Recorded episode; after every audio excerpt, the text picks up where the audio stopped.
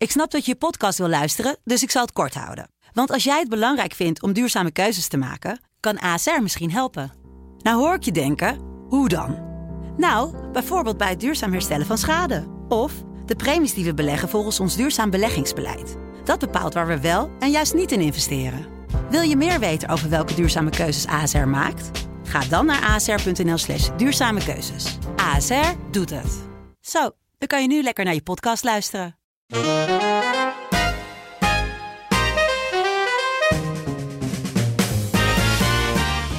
is Bonte Was Podcast. Het wasprogramma tegen blinde vlekken in de media. Uw gids in mediamissers en opstekers. Ik ben Wansi Muller. En ik ben Zoe Papa Economu. En in deze Bonte Was Podcast eindejaarsspecial delen we onze hoogtepunten uit eerdere afleveringen.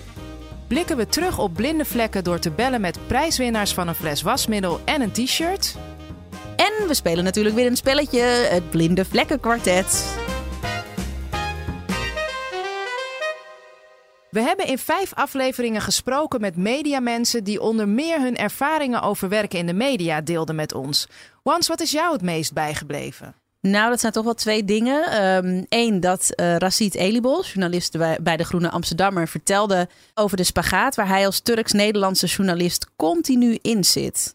Ik voelde natuurlijk wel, wel aan dat, ik, dat mijn blik anders was dan van de journalisten die er al zaten. Mhm. Iemand die gevoetbald heeft en daarna over voetbal gaat schrijven, wordt daar niet uh, op afgerekend. Nee. Het probleem is volgens mij ook dat je er van twee kanten op wordt afgerekend. Ook door de eigen groep. Het punt is, als ik over Turkije schrijf en ik ben kritisch op Erdogan, dan ben ik een landverrader.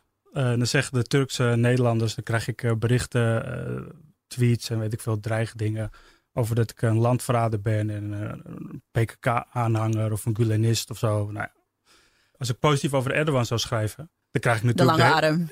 Ja, ja, precies. Dan ja. ben ik ineens uh, de vijfde kolonne en de lange arm. En uh, ja, goed, je doet het in ieder geval nooit goed.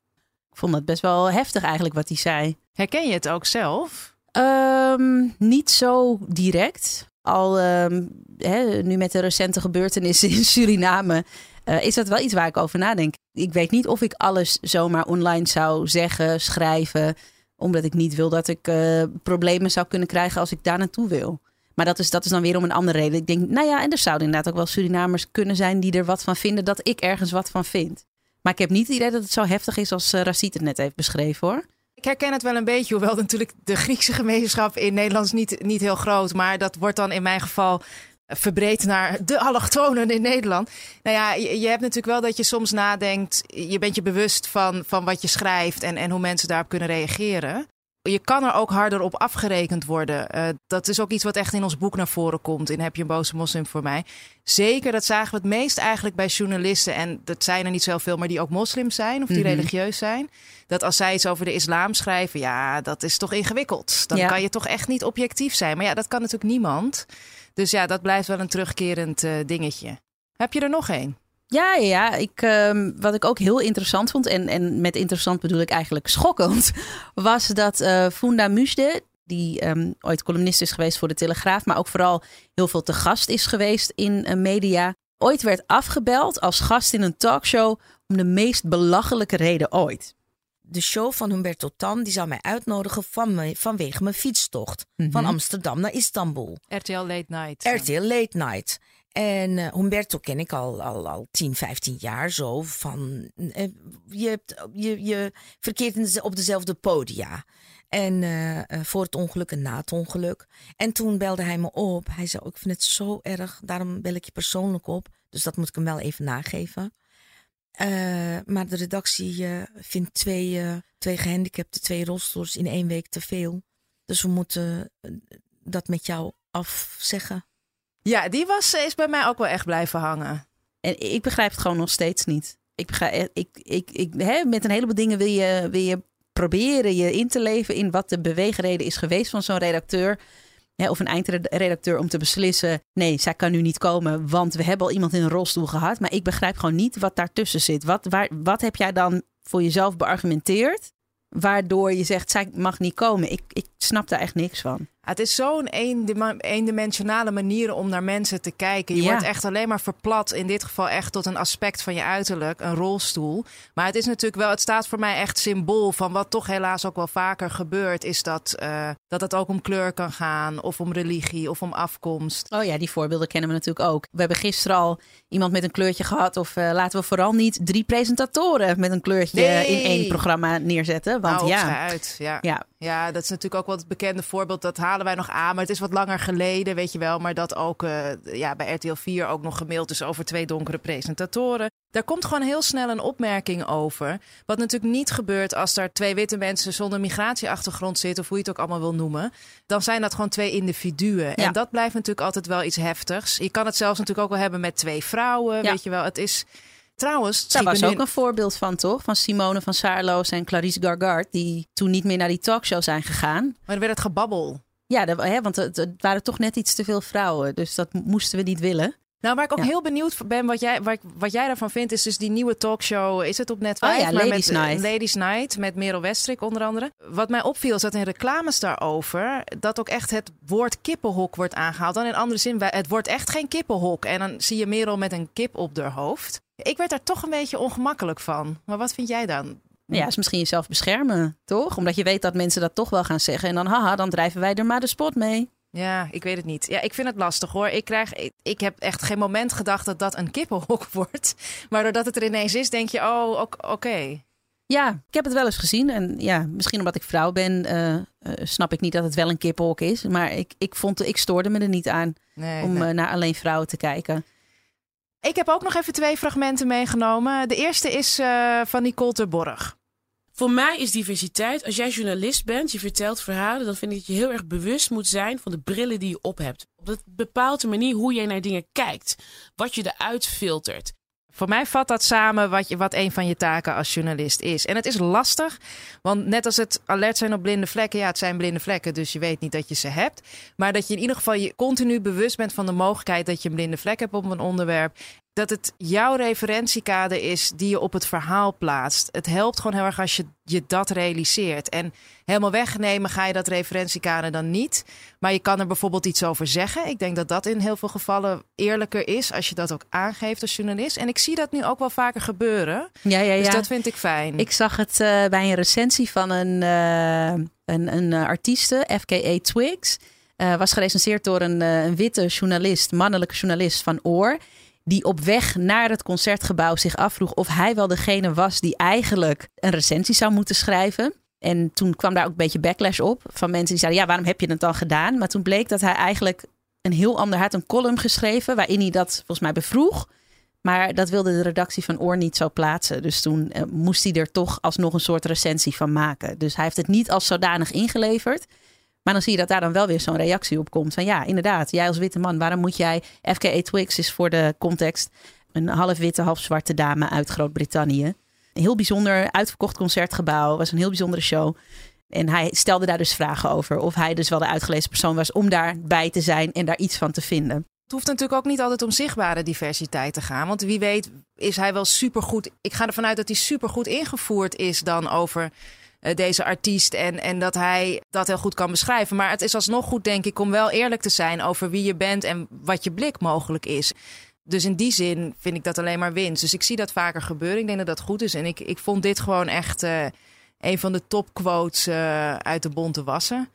Nou ja, een ander fragment dat ik heb meegenomen, dat is toch wel denk ik de uitzending waarin wij als hardcore Amsterdammers, excuses voor de luisteraars buiten Amsterdam, ehm, nou toch ook wel stevig zijn aangepakt. Wat ik leuk vind aan werken vanuit de regio. Ik heb er altijd een beetje moeite mee met de regio. Want hé hey, jongens, Amsterdam ligt ook in een regio, en in een provincie. Maar je weet wat ik bedoel.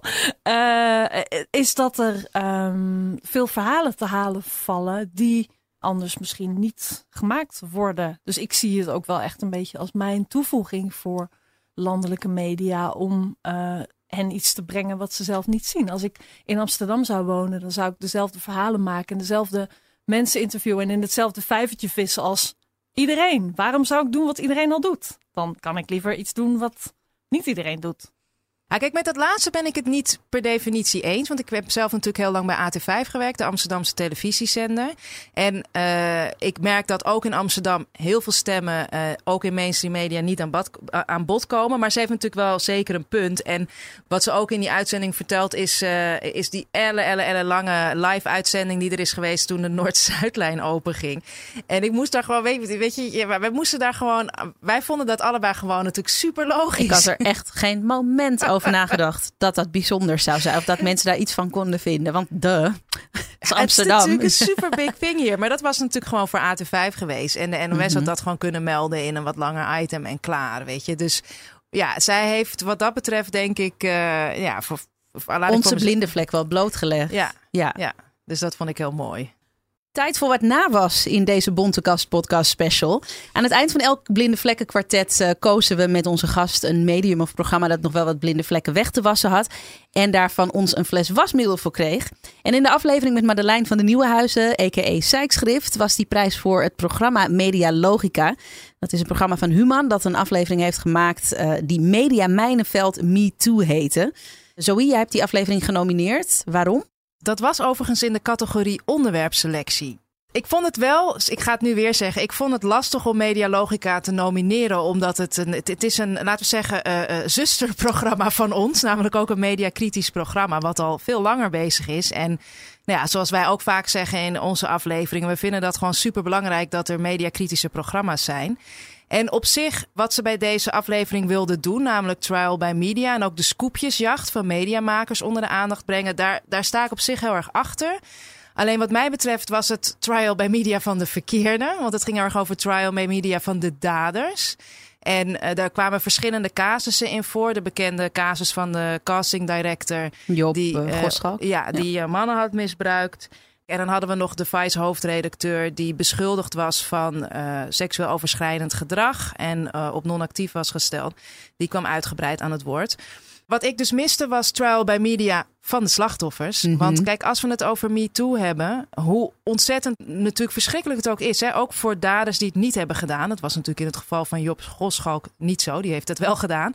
En bij Sikkema weten we het niet precies van Vice. Uh, dat is natuurlijk verschrikkelijk als dat je overkomt. Maar ik vind toch dat valselijk beschuldigde daders staat toch echt nog steeds, de keren dat dat gebeurt, in schril contrast met de miljoenen vrouwen die te maken hebben met seksueel overschrijdend gedrag. Plus, die ervaringen van deze dames en deze vrouwen worden ook onderworpen aan trial by media. Hun mhm. ervaringen worden ook getoetst op is het wel heftig genoeg om in een uitzending te komen. Want ja, het moet wel een beetje een duidelijke verkrachting zijn, om het maar even heel lomp te zeggen. Want dan ontstaat er geen twijfel over. Heb je wel nee gezegd? Eh, precies. En dus dat soort dingen overkomt natuurlijk slachtoffers veel meer. Dus dat zou ik zelf een veel logischere eerste aflevering over zoiets gevonden hebben. Dus, dus daar ging het bij mij heel erg om. Nou ja, daarnaast denk ik toch, hè, als je het hebt over MeToo, dat, dat gaat toch voor het grootste gedeelte over vrouwelijke slachtoffers. Niet om af te doen aan mannelijke slachtoffers natuurlijk. Maar um, deze uitzending ging eigenlijk bijna alleen maar over mannelijke slachtoffers. En de casus die wel over een vrouwelijk slachtoffer ging, namelijk van, um, van die Vice hoofdredacteur, die horen we niet vervolgens. En dat is natuurlijk best wel pijnlijk. Uh, plus, er komen ook, er waren acht sprekers hè, en ja. um, zeven man. Ja. En uh, ja, dat, dat, dat opgeteld allemaal uh, vond ik, ja, kon ik gewoon niet anders dan Medialogica nomineren. En uiteindelijk, uh, ja, samen met Madeleine en met jou hebben we dus besloten dat zij de fles, het fles wasmiddel kregen. Gelukkig was een van de makers van deze aflevering, Godelieve IJsink, was zo sportief om een reactie te geven op, nou ja, de, de niet zo hele leuke prijs van ons. Um, en zij heeft verteld over um, nou ja, hoe er op het wasmiddel werd gereageerd door haar en op de redactie. Uh, hoe hun uitzending tot stand is gekomen en uh, waar zij mee geworsteld hebben. Uh, Godelieve, wij gaven dus wasmiddel weg aan een, een programma of medium uh, dat volgens ons nog wat blinde vlekken had weg te wassen. In dit geval voor de, de aflevering uh, die jij hebt gemaakt. Wat vond je ervan om dat wasmiddel te krijgen? Nou, dat vond ik natuurlijk helemaal niet leuk. Dat begrijp je. Ja, ja. Want het is nooit leuk als je met je eigen blinde vlekken uh, geconfronteerd wordt. Of, uh, of als men denkt dat men je daarmee moet confronteren. Dus uh, nee, ik, dat heeft me aan het denken gezet. En, ik, dat, ik begreep wel dat jullie dat zeggen. Hè? Dat, dat, waarom nou al die aandacht wordt van bij media en niet datgene waar we het eigenlijk over moeten hebben. Namelijk die vrouwen waar het over gaat. Ehm, en dat, dat raakt ons ook wel, die, die kritiek. Ehm, omdat wij die aandacht voor MeToo en voor dat onderwerp seksueel grensoverschrijdend gedrag natuurlijk meestal inderdaad gericht tegen vrouwen natuurlijk ook heel belangrijk vinden. En ook omdat we diversiteit in de uitzending heel belangrijk vinden. Nou, we kunnen gezamenlijk constateren dat dat niet echt gelukt is in deze uitzending. Het is een hele masculine uitzending. Maar um, dus het, het, raakt in die zin, wat jullie zeggen, raakt wel aan zaken waar wij zelf bij het maken van deze uitzending ook enorm uh, mee hebben geworsteld. Uh, maar dat gezegd hebbende is het denk ik wel belangrijk om te benadrukken dat Medialogica uiteindelijk natuurlijk um, niet een programma is over de actualiteit in de samenleving. Of zoals jullie het formuleren over wat er speelt in de samenleving. Maar Medialogica is heel nadrukkelijk een programma dat probeert te zien wat er speelt in de media. Is, kijk, sowieso is die keuze om te focussen op die trial by media is natuurlijk een keuze die wij, die, waar wij ook wel echt over nagedacht hebben. En die, die inderdaad als grote nadeel heeft dat je een heleboel andere wezenlijke dingen buiten beschouwing laat. Dus dat, dat was al worsteling 1. Maar wij vonden dus dat uh, zeg maar de manier waarop er media-aandacht voor MeToo was geweest in een aantal grote rubrieken en kranten daar ook wel een beetje om vroeg. Om, juist omdat er zo gefocust werd op die trial by media. Maar ik vond dat zelf ook wel een worsteling. En, en dat is ook een van de redenen natuurlijk waarom we heel nadrukkelijk René Rumkens hebben opgezocht. Want die benoemt dat heel mooi in de uitzending. Hè. Die is op een aantal punten uh, geeft zij toch de stem van. En wat dat nou betekent dat die media zo focussen op die trial by media. En dat daardoor. He, dat we daardoor misschien wel niet hoeven te kijken naar dat structurele misbruik, omdat we alleen maar naar de incidenten kijken. Nou ja, en we hebben natuurlijk geprobeerd die ene casus die we echt met een betrokkenen, namelijk met uh, Sikkema, uitdiepen. Daar hebben we natuurlijk geprobeerd om alle stemmen aan tafel te krijgen. En dat is niet gelukt. En dat is wel echt Waarom hebben jullie dat niet benoemd? Waarom hebben jullie dat niet benoemd? Ja, Want nou, dat mis dat- ik heel erg. Ja, en dat, heb je, dat zeggen jullie terecht. Dat, vind ik, dat heb, heb ik ook wel erg ter harte genomen. Er zijn een paar dingen die wij denk ik achteraf beschouwd nadrukkelijker bijvoorbeeld in de voice-over hadden moeten benoemen. En dat is onder andere dat.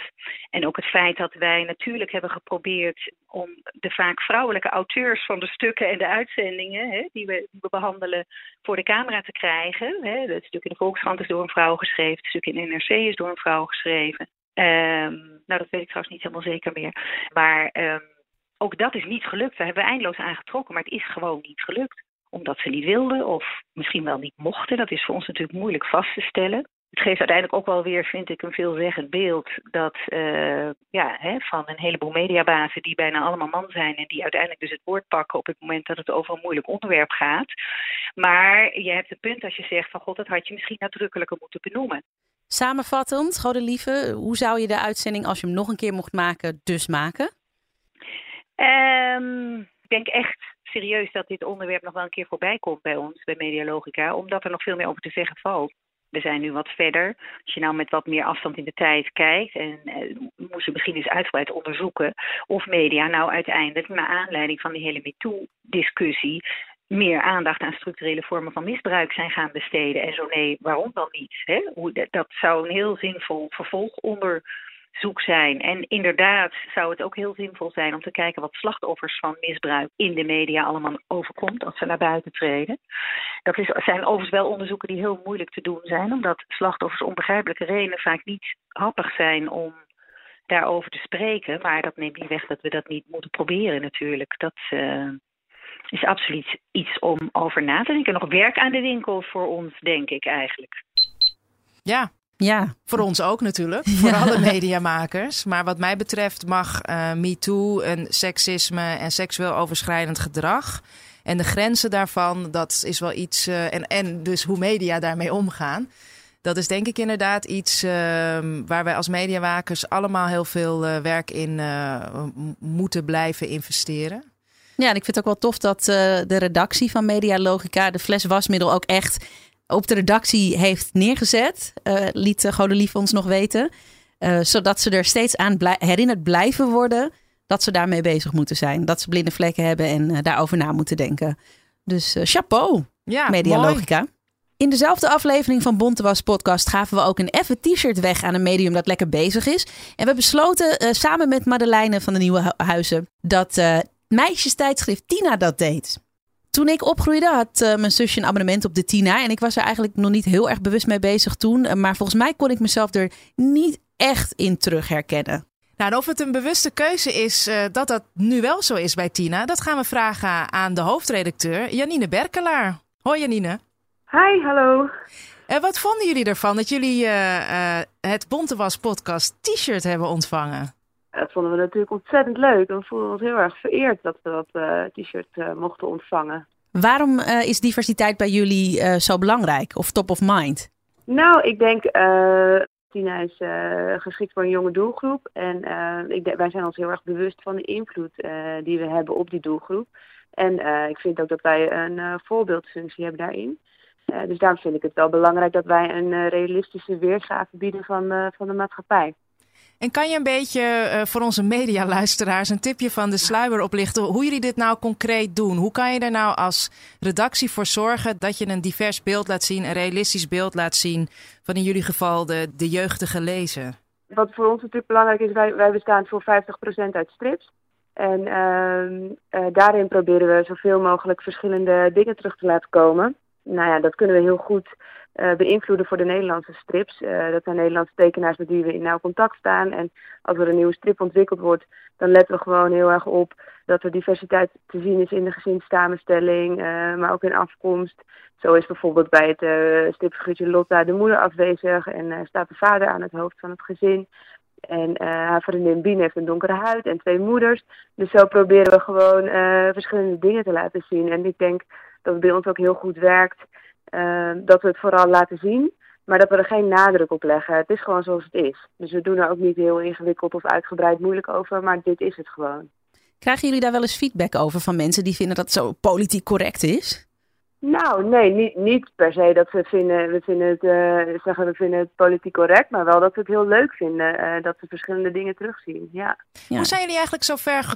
Was dit, weet jij dat? Was dit er in, ineens? Of, of hoe, hoe is dat gegaan, nou, dat die bewustwording? Ik, wel, ik denk wel dat het, uh, het is natuurlijk steeds meer aan top of mind overal in de media. En ja, dat komt natuurlijk bij ons ook door. En um, we zijn voor een groot deel ook afhankelijk van uh, pagina strips die uh, aangeleverd worden vanuit buitenlandse uitgeverijen of vanuit herplaatsingen. En uh, doordat het wereldbeeld verandert, gaat ook je blik naar dat soort pagina's anders worden.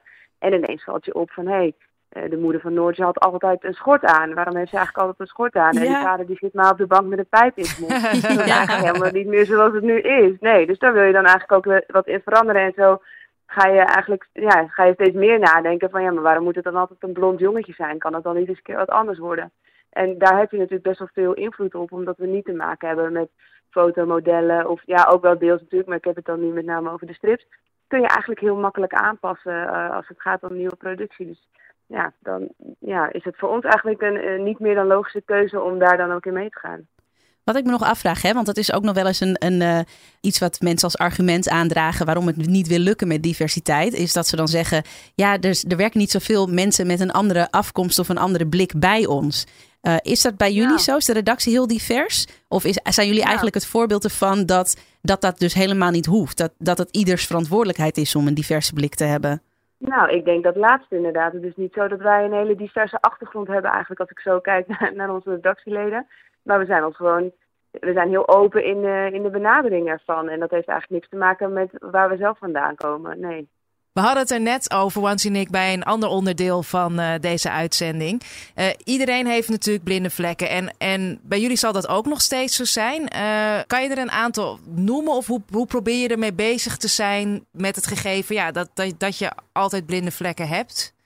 Ja, nou ja, ik vind het wel lastig met blinde vlekken. Als in het blinde vlekken zijn, dan zien we ze niet. Dus dan nou ja, zou ik het prettig vinden als iemand anders ons, ons erop wijst. En dat vind ik wel het mooie aan onze doelgroep die zijn heel erg mondig en, uh, en uh, vertellen ons graag wat ze van ons vinden. Dus vaak krijgen we ook al wel commentaar als ze vinden dat iets niet door de beugel kan of uh, nou ja, dat iets anders moet. En daar staan we ook altijd heel erg open voor. Um, ja, ik zou nu als enig voorbeeld noemen van nou, we zijn gewoon soms genoodzaakt om bepaalde pagina's te, te plaatsen, te hergebruiken omdat dat nou eenmaal de manier is waarop wij ons blad vullen. Um, en dan proberen we dan zoveel mogelijk textueel of misschien nog wat te, te poetsen in de strips. Maar we kunnen daar niet altijd helemaal in tegemoet komen wat je zou willen misschien. Juist dat je die doelgroep noemt, dit vind ik gewoon heel top. Want dat is denk ik iets wat, uh, Wat heel goed is om te weten, ook voor ook mensen, ook mediamakers die een nu nog wat oudere doelgroep bedienen. Die, de, de, de mondige doelgroep van nu groeit ook op. dus daar moeten ze rekening mee gaan houden. Ja, die laat echt van zich horen, dat is zeker zo. Ja. Janine, ga zo door. Nou, en ehm, jullie nogmaals dankjewel voor het shirt en de, en de complimenten. Daar zijn we heel blij mee. Het is tijd voor een spelletje.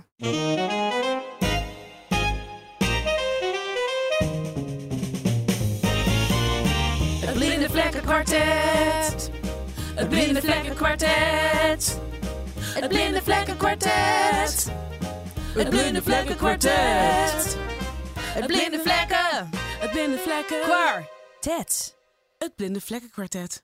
Oké, okay, Nou, er zijn weer genoeg blinde vlekken om het over te hebben. Maar we hebben een strenge selectie gemaakt van een aantal uh, goede en uh, minder goede voorbeelden.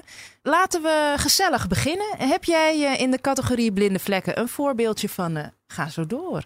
Ja, ik zit altijd voordat ik mijn eigen radioprogramma doe op NPO Soul and Jazz te luisteren naar Radio 1. En toen hoorde ik Nieuws en Co programma van uh, de NTR en de NOS. En daar hebben ze een onderdeel, dat heet Vrienden van Nieuws en dan bellen ze dus met mensen in het land over allerhande onderwerpen. En daar hoorde ik docent Mustafa Essadik. En dat is een eh, docent uh, aan een middelbare school, als ik me niet vergis, in Nieuwegein. En hij werd gebeld om te praten over hoe klimaatverandering leeft bij zijn leerlingen. En hoe hij zelf als docent daar wel of niet met ze over praat of zijn mening geeft en zo. En toen dacht ik, wat leuk, Mustafa, die gewoon praat over klimaatverandering en over zijn leerlingen. Het gaat dus helemaal niet over. Uh, hè, Mustafa is een. Uh, ik weet niet, Essadik. Of dat Marokkaans is, ik wil, dan, ik wil niet, dat niet zomaar. kunnen. Ja, hè? hè maar het, het, ging in ieder geval niet over zijn achtergrond of over zijn geloof. Ja, nee, maar dat is ook hartstikke goed. Uh, ik merk ook wel dat daar wat meer bewustwording is uh, bij, bij meerdere media. Van vraag iemand niet alleen om over zijn afkomst te komen praten of over zijn of haar kleur of whatever vraag iemand ook gewoon. Of nou, ik, ik denk dat uh, Sinan Chan uh, uh, verwoordt dat heel goed in ons boek. Die zegt: Ik wil ook gewoon eens een dame met een hoofddoek bij kassa zien om te klagen over Ziggo, bewijs Graag, ja. Weet je wel? Ja. Dus, nou, een mooi voorbeeld, leuk. Zoe, heb je voor mij in de categorie blinde vlekken een gevalletje framing? Framing. Een overtuigingstechniek om bepaalde informatie sterker naar voren te halen en andere informatie juist achterwege te laten.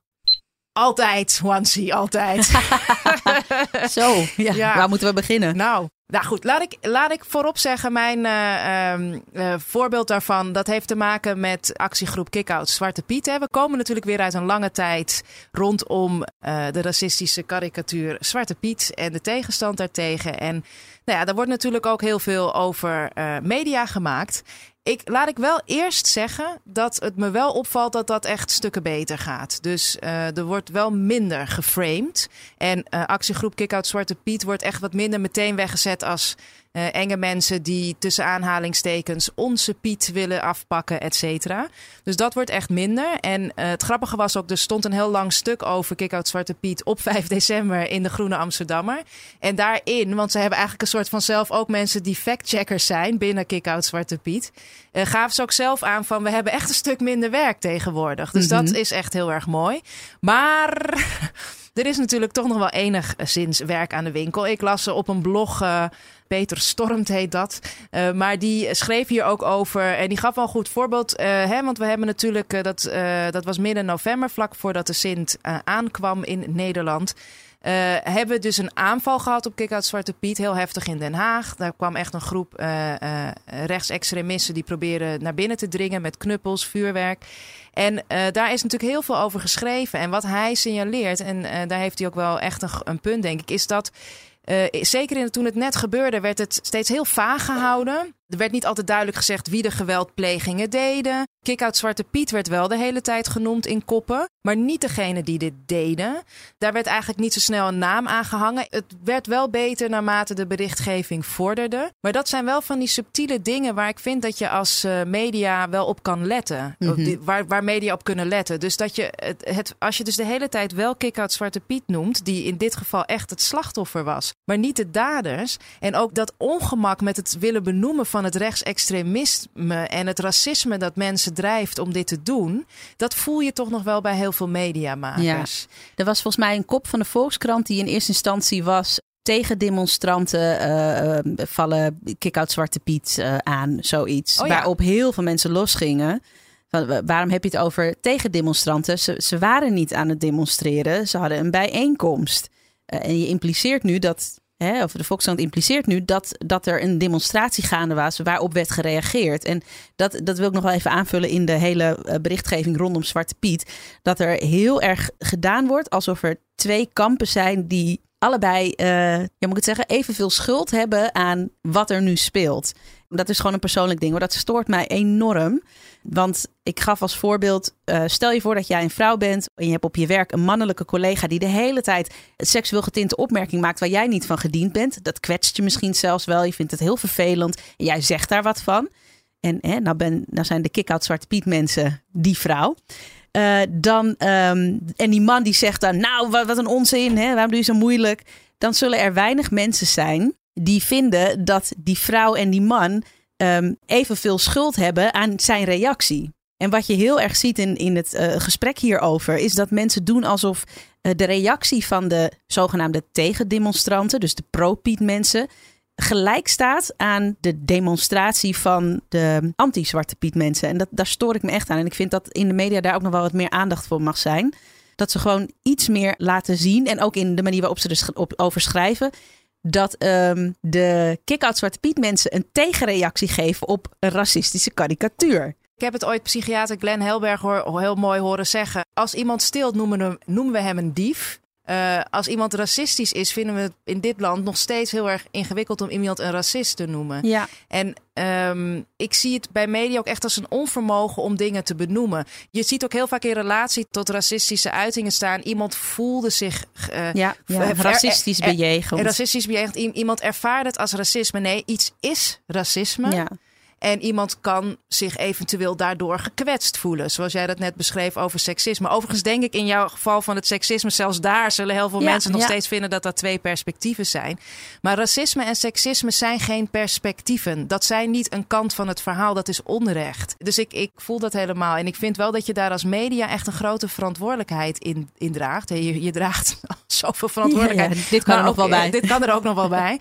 Dus uh, nou ja, uh, we gaan door. Ik zou zeggen, ik heb heb wel behoefte aan een uh, categorietje, aan een blinde vlek in de categorie beperkte netwerken. Dat heb ik zeker. Althans, ik denk dat ik dat heb. Hè. Ik, ik zat niet op de redactie van Pauw. Maar um, ik zag dat om te praten over het feit dat uh, Ahmed Mendes Morera racistisch was bejegend tijdens uh, de wedstrijd van FC Den Bosch Excelsior. Hugo Borst de gast was bij Pauw om, zoals op de website van Pauw stond, zijn oordeel daarover te vellen nou vraag ik me allereerst af waarom Hugo Borst daar een oordeel over moet vellen. Maar ik vraag me helemaal af waarom daar niet met zwarte of in ieder geval niet-witte voetballers over gesproken wordt. Waarom wordt Hugo Borst, die zeker weet verstand heeft van voetbal, maar gewoon een witte man is, daarover gesproken? Dat vind ik gewoon een beetje raar. En nogmaals, ik was niet bij de redactievergadering. Ik, ik weet dat het ook heel vaak gebeurt dat redacties wel proberen om, in dit geval dan bijvoorbeeld uh, zwarte voetballers uh, aan tafel te krijgen, maar dat die er geen zin in hebben. Ik weet ook dat uh, Dries Boussata bijvoorbeeld bij de Wereld Draait Door zat om daar wel over te praten. die heeft de KNVB er ook flink van langs gegeven, gelukkig. Maar, uh, dus ik denk dat ze wellicht een poging gewaagd hebben. Maar ik weet ook dat een heleboel mensen zich er niet voor willen lenen. Omdat het niet echt een veilige omgeving is aan zo'n talkshowtafel. Je moet wederom bewijzen, waar we het net ook al over hadden. Je moet wederom bewijzen dat wat jij zegt daadwerkelijk gebeurd is. En dat is zo vermoeiend. Maar desalniettemin vind ik het dan toch raar dat er een witte man wordt uitgenodigd om te praten over racisme in het voetbal. Ja, ja. ja. Ik, you said it all. You said it all. Ja. Ja. Zullen we dan nog maar een voorbeeldje van uh, framing doen?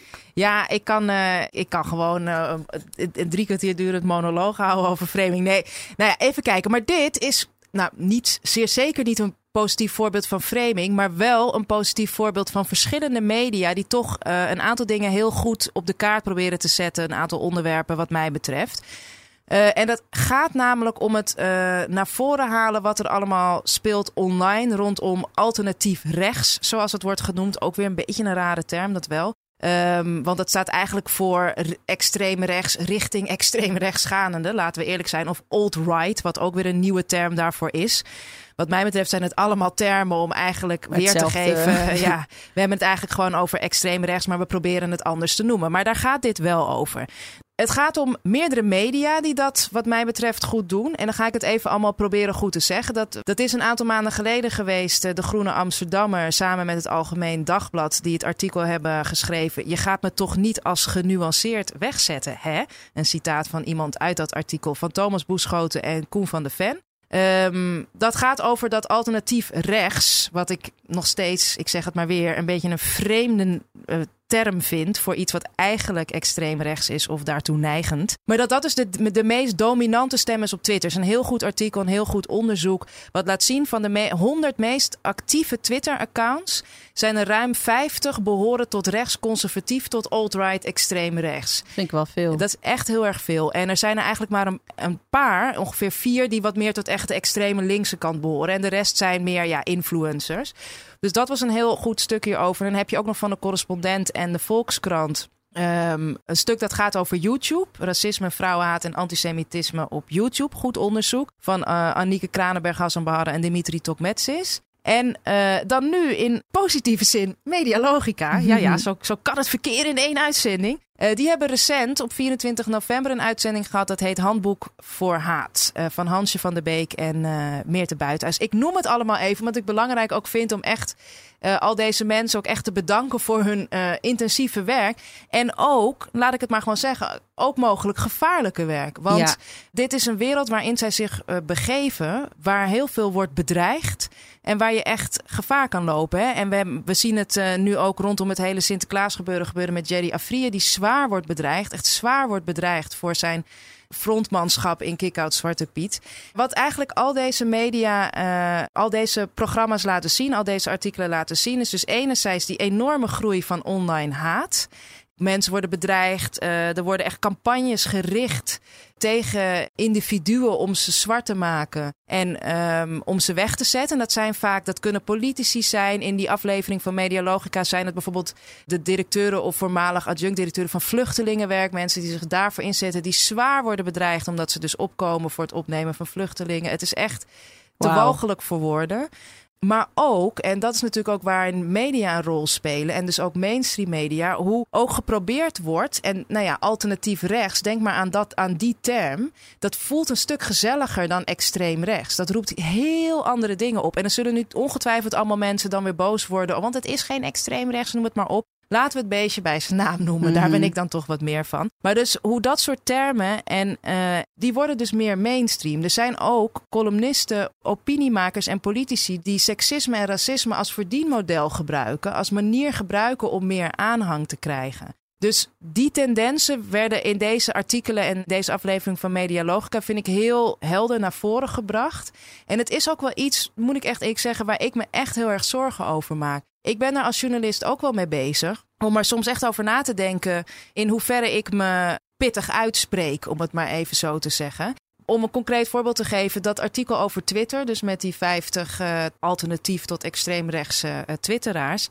Dat was ook een onderwerp in, eh, in het Radio 1-programma Spraakmakers bij het Mediaforum, waar ik soms wel eens in zit. En daar ging het toen over. Toen heb ik heel specifiek gezegd: ik zit zelf ook van dit, vanwege dit soort redenen niet op Twitter. Maar dan heb ik bijvoorbeeld heel duidelijk aangegeven aan de redactie dat ik niet wilde dat er iets van mij werd getwitterd, een uitspraak of een filmpje. Eh, dat zeg ik niet omdat ik eh, niet bang ben om in gesprek te gaan. Daar heb ik ook altijd zo'n schurfthekel aan als mensen dat zeggen. Nee, omdat ik weet wat de consequenties kunnen zijn. Trollen zijn heftig. Het is heel erg heftig. Ik ken meerdere mensen die niet alleen echt op Twitter gewoon een soort haatbedolving over zich heen kregen, maar ook gebeld zijn, brieven krijgen, mails. Het is echt van een walgelijkheid van heb ik jou daar. En ja, als ik dat even kan voorkomen, dan probeer ik dat natuurlijk. Want ik zelf ben daar maar een miniem voorbeeld van. Maar wij kennen natuurlijk heel veel mensen in onze omgeving die ontzettend bedreigd worden, ook in het journalistieke werk wat ze doen. Ja, en eigenlijk wat je zegt is dat, er, dat media dus een verantwoordelijkheid hebben in bijvoorbeeld niet te klikbeterige koppen eh, te verzinnen, waardoor mensen echt gevaar lopen, bijvoorbeeld.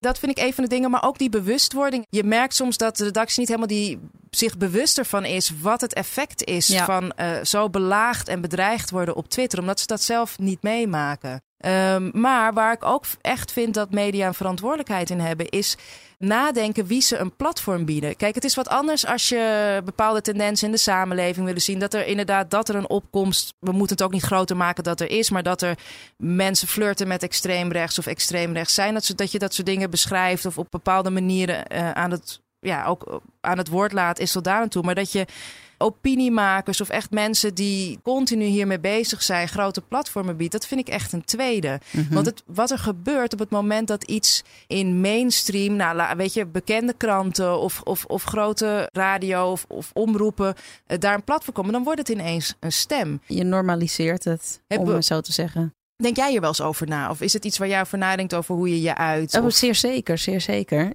Ik heb natuurlijk een radioprogramma en dat draait om muziek. Dus in feite, ja, zou je zeggen, daar hoort het niet in thuis. Maar ik ben ook een mens. Dus als, als iets mij raakt, dan vertel ik dat gewoon. Althans, probeer ik. ik er zijn wel dingen. Ik kies mijn woorden hè, op een bepaalde manier. Of ik, ik stip iets aan. Want ik weet, ik weet gewoon, en dat is ook wel eens gebeurd. Als ik me echt, nou ja, nee, dat heb ik heb me nog nooit echt uitgesproken zoals ik me gewoon, zeg maar, als deze microfoons uit zouden zijn, zou uitspreken omdat ik geen zin heb. Nou, ik moet bovendien gewoon nog een uitzending doen. Dus ik, ik kan daar ook helemaal niet mee bezig zijn dat mensen lelijke dingen tegen me zeggen tijdens die uitzending. Maar ik weet gewoon dat dat binnen gaat komen. En daar heb ik op dat moment nul behoefte aan. Maar dat betekent wel dat ik af en toe me, me in mijn inhoud en uh, nadenk over wat ik zeg en hoe ik het zeg ook vooral. Want dat is ook nog een ding. Ik ben in ieder geval wel blij dat er nu. Je hebt nu bij de NVJ heb je pers veilig. Die hebben dat opgericht waar in ieder geval journalisten ook uh, terecht kunnen met de bedreigingen die ze meemaken. Ik denk dat dat heel goed is. Er is in Italië ook een Italiaanse politica is nu bezig met een rechtszaak. En die oudt ook haar meest extreme bedreigers uh, online. Die oudt ze ook. Dat vind ik ook een goede zaak. Want ja, we moeten toch dat online gesprek. Ja, weet je, daar moet je ook. Uh, Nee, mensen moeten gewoon weten dat het consequenties heeft als ze zulke dingen gaan roepen of, of zeggen. Want het is nu zo vrijblijvend. Jij maakt een accountje aan en je scheldt iemand de huid vol. Ik heb laatst nog gehad hoor, dat ik iets op, op, over kick-out Zwarte Piet zei. En uh, iemand die ik niet kende, die, die vond het nodig om daar wat van te zeggen. Ja, ik blokkeer je reet dan gewoon meteen. Maar het is wel vervelend, want ik zie het wel. Dus, nou en mensen voelen zich vrij om dat te doen. Ik heb niemand uitgenodigd om dat tegen mij te zeggen. Maar dat, ja, die vrijheid nemen mensen. Omdat ze weten dat het lekker anoniem is. Want ik weet gewoon dat, dat, dat mensen dat niet in mijn gezicht zouden doen. Nee, precies. En dat, dat haalt die filter natuurlijk weg van dat online. Dat je niet face-to-face bent. Ja, ik, ik, Clarice Gagar heeft daar een hele sterke column ook onlangs over geschreven, vond ik. Over. Kijk, weet je, je krijgt natuurlijk ook ontzettend veel steun. Maar die, die haat gaat ook. Het kruipt in je. Het is, het is iets heel erg naars als mensen je op die manier uh, menen te moeten bejegenen. En dat hele, je moet erboven staan. Ja, bullshit. Nou ja, wat dus wat mij betreft, samenvattend, uh, zou ik vinden dat media echt een stuk strenger zouden mogen zijn in wie ze wel en geen platform geven. Of in ieder geval dat eeuwige argument van we willen alle perspectieven aan het woord laten. We willen alle kanten van het verhaal horen. Maar dat heeft toch wel, denk ik, echt te maken met het feit dat het steeds normaler is geworden om rechtse dingen te zeggen. Ja en racistisch te zijn en seksistisch. Dus, dus dan denken we ook dat dat een tussen aanhalingstekens normale stem is om te laten horen. van ja, het is er dus. dus en, en, en veel mensen vinden dat. Dus dat, we moeten daar wat mee. En ik, ja, ik ben het daar niet mee eens. Nee, maar ja, gaat ook maar eens historisch bekijken. Want daar hebben we soms onze mond van vol. Mensen kunnen weten feilloos op te dreunen welke kranten er fout waren in de oorlog en welke niet. Maar dat soort dingen zijn natuurlijk niet van de een op de andere dag tot stand gekomen. Dus ik, ik vind het echt een, een hellend vlak. Want je wordt heel makkelijk weggezet als je zoiets zegt. Ah, maar je bent tegen de vrijheid van meningsuiting. Dan denk ik, nee, nee, nee, nee, nee. Dat, daar gaat het niet om. Ik ben, als ik het dan voor mezelf persoonlijk. Ik ben er tegen dat mensen hun uh, rechten worden ontnomen. Dat vind ik iets heel erg anders. Eh, iets heel anders. En mensen hebben het recht om niet racistisch bejegend te worden. Dat vind ik geen. Racisme en seksisme zijn niet een perspectief. Dat is onrecht. Dat zijn twee verschillende dingen. Zo, dat was best een lange nawas, maar hij was nodig. Hopelijk uh, is alles nu een beetje schoongewassen. Dit was de Bonte Was podcast eindejaarsspecial 2019. Deze podcast is mede mogelijk gemaakt door Nieuwwij en ook speciale dank aan Marcel's Green Soap. Heb jij nou ook voorbeelden van blinde vlekken in de media of wil je meer weten over Bonte Was podcast? Ga dan naar www.nieuwwij.nl en volg ons op Twitter hè, Bonte Was podcast. En vergeet je niet te abonneren op onze podcast. Dat kan via het podcastplatform waar je nu naar ons luistert. En we vinden het extra lief als je een recensie achterlaat Zo kunnen andere podcastluisteraars ons beter vinden. Tot volgend jaar!